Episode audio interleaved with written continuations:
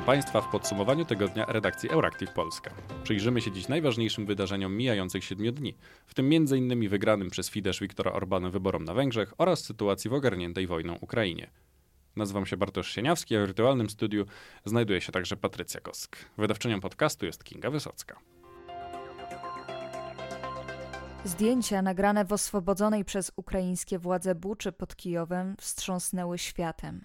Obrazy zamordowanych przez rosyjskich żołnierzy ukraińskich cywilów pochowanych w płytkich masowych grobach wywołały też wiele głosów o konieczności szybkiego osądzenia zbrodni popełnianych przez Rosjan w Ukrainie. Według informacji portalu Spiegel, Federalna Służba Wywiadu przechwyciła wiadomości radiowe rosyjskich wojskowych, w których przyznają się do zabójstwa cywilów w Buczy. Unijni przywódcy domagają się od Brukseli wprowadzenia kolejnego pakietu sankcji wobec Rosji w związku z masakrą. Szef polskiego rządu zwrócił uwagę, że ci, którzy milczą, są za te zbrodnie współodpowiedzialni i wezwał liderów Unii Europejskiej do zdecydowanego działania. Wyjaśnił, że chodzi o wdrożenie takich działań, które wreszcie złamią machinę wojenną Putina, które zabiorą jej powietrze. Dość gry na zwłokę niektórych liderów europejskich. Potrzebne są jasne, zdecydowane sankcje. Obecne sankcje nie działają, stwierdził Morawiecki. Do masakry odniósł się także premier Węgier Viktor Orban, który zauważył, że wszystkie doniesienia należy sprawdzić w sposób niezależny, ponieważ żyjemy w czasach masowej manipulacji. Viktor Orban triumfuje. Prawicowy i eurosceptyczny polityk, premier Węgier w latach 1998-2002 oraz od 2010 roku pozostanie u władzy na kolejną kadencję. Zjednoczona węgierska opozycja, której sondaże dawały niemal tak samo wysokie poparcie, co rządzącej prawicowej koalicji pod przewodnictwem partii Orbana, poniosła druzgocącą porażkę. Fidesz zdobyła 54% głosów oraz większość konstytucyjną. Zajęła 136 miejsc w liczącym 199 posłów w parlamencie. Jest to najlepszy wynik partii w historii i największe poparcie polityczne zdobyte na Węgrzech przez jakiekolwiek ugrupowanie po 1989 roku. Węgierska opozycja uzyskała zaledwie 34% głosów i 55 miejsc w parlamencie. Uzyskała tym samym gorszy wynik niż kiedy poszczególne partie wchodzące w skład Zjednoczonego Bloku startowały osobno w poprzednich wyborach. Do parlamentu dostała się także skrajnie prawicowa Nasza Ojczyzna, założona w 2018 roku przez byłych członków ówcześnie skrajnie prawicowej partii Jobbik. Działacze, niezadowoleni ze zbliżenia się swojej organizacji do centrolewicowej opozycji, powołali do życia własną partię, która 3 kwietnia zdobyła 6% głosów. Na placu, gdzie zebrać się miała triumfująca opozycja, spotkało się zaledwie 100 przygnębionych osób. Triumfujący Viktor Orban mówił, że zwycięstwo jego partii widać nie tylko z Księżyca, ale i z Brukseli. Wygraliśmy, choć przeciwko nam była lewica w kraju, lewica w państwach ościennych, biurokraci w Brukseli, imperium finansowe George'a Sorosa, międzynarodowe mainstreamowe media, a nawet prezydent Ukrainy. Grzmiał w powyborczym przemówieniu premier Węgier.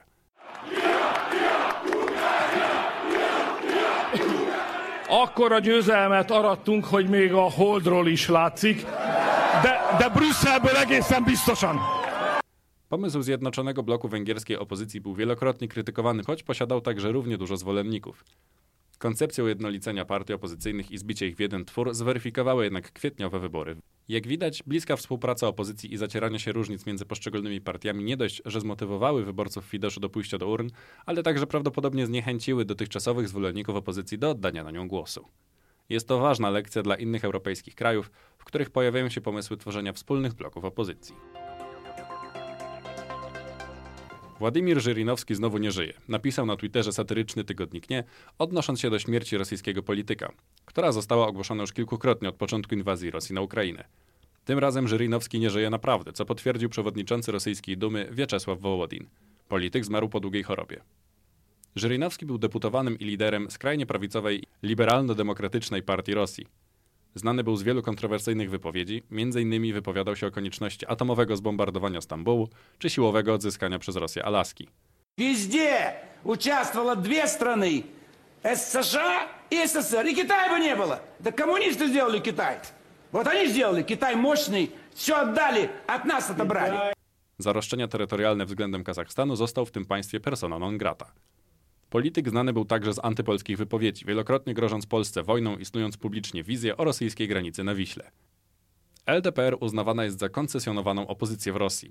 Choć teoretycznie pozostaje w opozycji do rządzącej partii Jedna Rosja, zarówno one, jak i jej zmarły lider uznawani byli za sojuszników Kremla. Pojawiają się pogłoski, że partia powstała z inspiracji KGB oraz, że kontrowersyjne wypowiedzi Żyrinowskiego służyły rosyjskim władzom do badania reakcji opinii publicznej na nie. Kondolencje po śmierci Żyrinowskiego złożył m.in. Władimir Putin. Uroczystości pogrzebowe odbędą się 8 kwietnia i poprowadzi je sam patriarcha Moskwy Cyryl, znany z prokremlowskich i skrajnie konserwatywnych wypowiedzi. Jak widać, ciągnie swój do swego. Po raz pierwszy od czasu inwazji Rosji na Ukrainę prośby prezydenta broniącego się kraju, Wołodymira Zełańskiego, zostały wysłuchane. Przywódca wielokrotnie apelował do państw NATO o m.in. dostarczenie Ukrainie ciężkiego sprzętu, koniecznego do odpierania rosyjskich ataków. Plan przekazania Ukrainie polskich myśliwców MiG niestety spalił na panewce. Ale na apele Załęskiego głusi nie pozostali Czesi, którzy 4 kwietnia wysłali do Ukrainy kilkadziesiąt czołgów T-72 i bojowych wozów piechoty. To pierwszy raz, kiedy kraj NATO wysyła Ukrainie tego typu sprzęt. Przekazanie broniącym się Ukraińcom przestarzałych czołgów produkcji radzieckiej jest nie tylko sposobem na wsparcie wysiłków wojennych przeciwko atakującym Rosjanom, ale także sposobem na przewietrzenie swojego arsenału. W ramach wymiany radzieckich czołgów Czesi otrzymają nowsze pojazdy bojowe i czołgi produkcji niemieckiej i amerykańskiej. W mediach pojawiły się pytania, czy tak stare maszyny będą w stanie zapewnić Ukrainie jakąś realną pomoc. Analityk do spraw bezpieczeństwa i wojskowości Lukasz Wisingr powiedział, że wiek pojazdów jest ich wadą, ale i zaletą. Żołnierze ukraińskich sił pancernych będą w stanie szybko usiąść za starami czołgów, które od lat są im dobrze znane. Mimo optymizmu eksperta warto pamiętać, że T-72 nie są wyposażone w niezbędny na współczesnym polu walki pancerz reaktywny, ani w nowoczesny sprzęt optyczny, ani radioelektroniczny. Ale już sam gest jest istotny. Natowskie czołgi już niedługo wyjadą walczyć przeciwko Rosjanom, często korzystającym z równie przestarzałego sprzętu.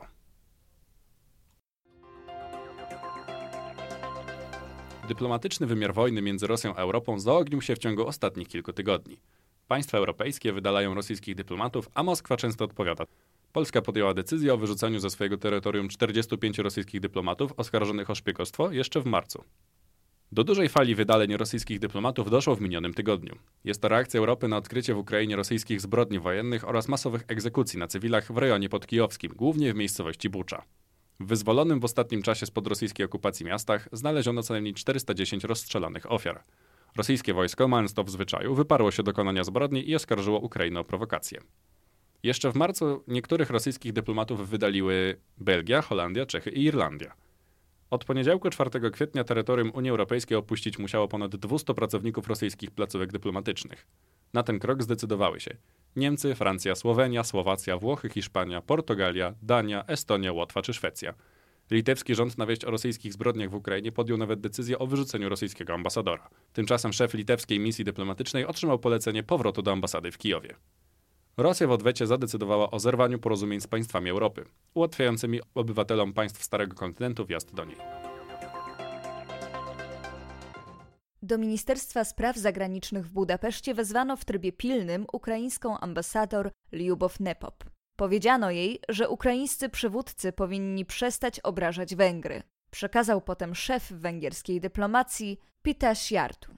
Minister spraw zagranicznych Węgier podkreślił też, że węgierskie społeczeństwo jasno wypowiedziało się w kwestii wojny na Ukrainie podczas niedzielnych wyborów parlamentarnych. Rząd szedł do wyborów m.in. pod hasłem mówiącym, że wojna na Ukrainie to nie jest wojna Węgier. A jakby tego było mało, Budapeszt ogłosił, że będzie zgodnie z żądaniem Moskwy płacić za dostawy gazu w rublach. Taką postawę kilkakrotnie skrytykował prezydent Ukrainy Wołodymyr Zełański, który podczas wideo wystąpienia zwrócił się z apelem wprost do premiera Węgier Viktora Orbana. W przeddzień wyborów zaś stwierdził, że Orban w relacjach z Rosją zatracił uczciwość. W powyborczym wystąpieniu Orban wśród pokonanych przeciwników wymienił także Zełańskiego. Szefowa Komisji Europejskiej Ursula von der Leyen zdementowała medialne doniesienia, jakoby podczas sobotniej wizyty w Polsce miała ogłosić zatwierdzenie Polskiego Krajowego Planu Odbudowy. W przypadku Polski Komisja od miesięcy wstrzymuje zatwierdzenie dokumentu ze względu na wątpliwości co do przestrzegania rządów prawa.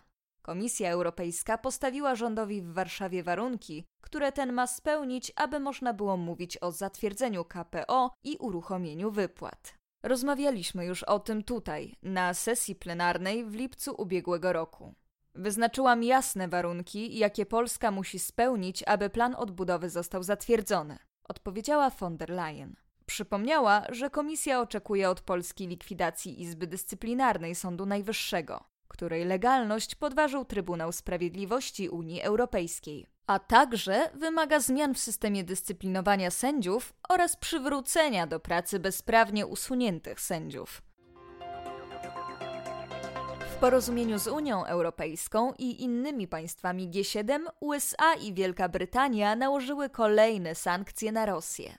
Dotykają one rosyjskich banków, a także rosyjskich przedsiębiorstw i rosyjskich urzędników państwowych oraz ich rodzin. Nowy pakiet amerykańskich sankcji przewiduje m.in. całkowitą blokadę transakcji finansowych z dwoma najważniejszymi rosyjskimi bankami inwestycyjnymi. Kluczowym dla rosyjskiej gospodarki Sbierbankiem, w którego zasobach znajduje się jedna trzecia rosyjskich aktywów finansowych oraz największym rosyjskim bankiem prywatnym Alfa Bankiem. Zgodnie z decyzją prezydenta Joe'ego Bidena, amerykańskie podmioty finansowe nie mogą także czynić nowych inwestycji na rynku rosyjskim. Za sprawą tych dwóch powyższych kroków, Waszyngton chce jeszcze bardziej odizolować rosyjską gospodarkę od świata. Na amerykańskiej liście sankcyjnej znaleźli się także członkowie rodzin już ukaranych restrykcjami rosyjskich polityków. Na przykład dwie dorosłe już córki Władimira Putina, Maria i Katerina czy żona i córki ministra spraw zagranicznych Siergieja Ławrowa. Rosja zapłaci surową i natychmiastową cenę za swoje okrucieństwa w Buczy. Wraz z naszymi sojusznikami i partnerami ogłaszamy nowy pakiet niszczycielskich sankcji. Powiedział Biden i poinformował, że USA rozszerzyły także swoją czarną listę osób, których aktywa zostaną zamrożone, a im samym nie będzie wolno wjechać na amerykańskie terytorium. There's nothing less happening than major war crimes. Responsible nations have to come together to hold these perpetrators accountable. And together with our allies and our partners, we're going to keep raising the economic cost and ratchet up the pain for Putin and further increase Russia's economic isolation. Steps we've already taken. Swoje nowe sankcje na Rosję ogłosiła też Wielka Brytania. One również polegają na odcięciu rosyjskich banków od wszelkich możliwości prowadzenia transakcji. Dotyczą zaś obok Spierbanku także Moskiewskiego Banku Kredytowego. Ponadto restrykcje obejmują firmy należące do ośmiu bliskich Kremlowi oligarchów, w tym produkującą ciężarówki spółkę Kamaz, gazowego giganta Gazprom czy wydobywający kamienie szlachetne koncern Alrosa.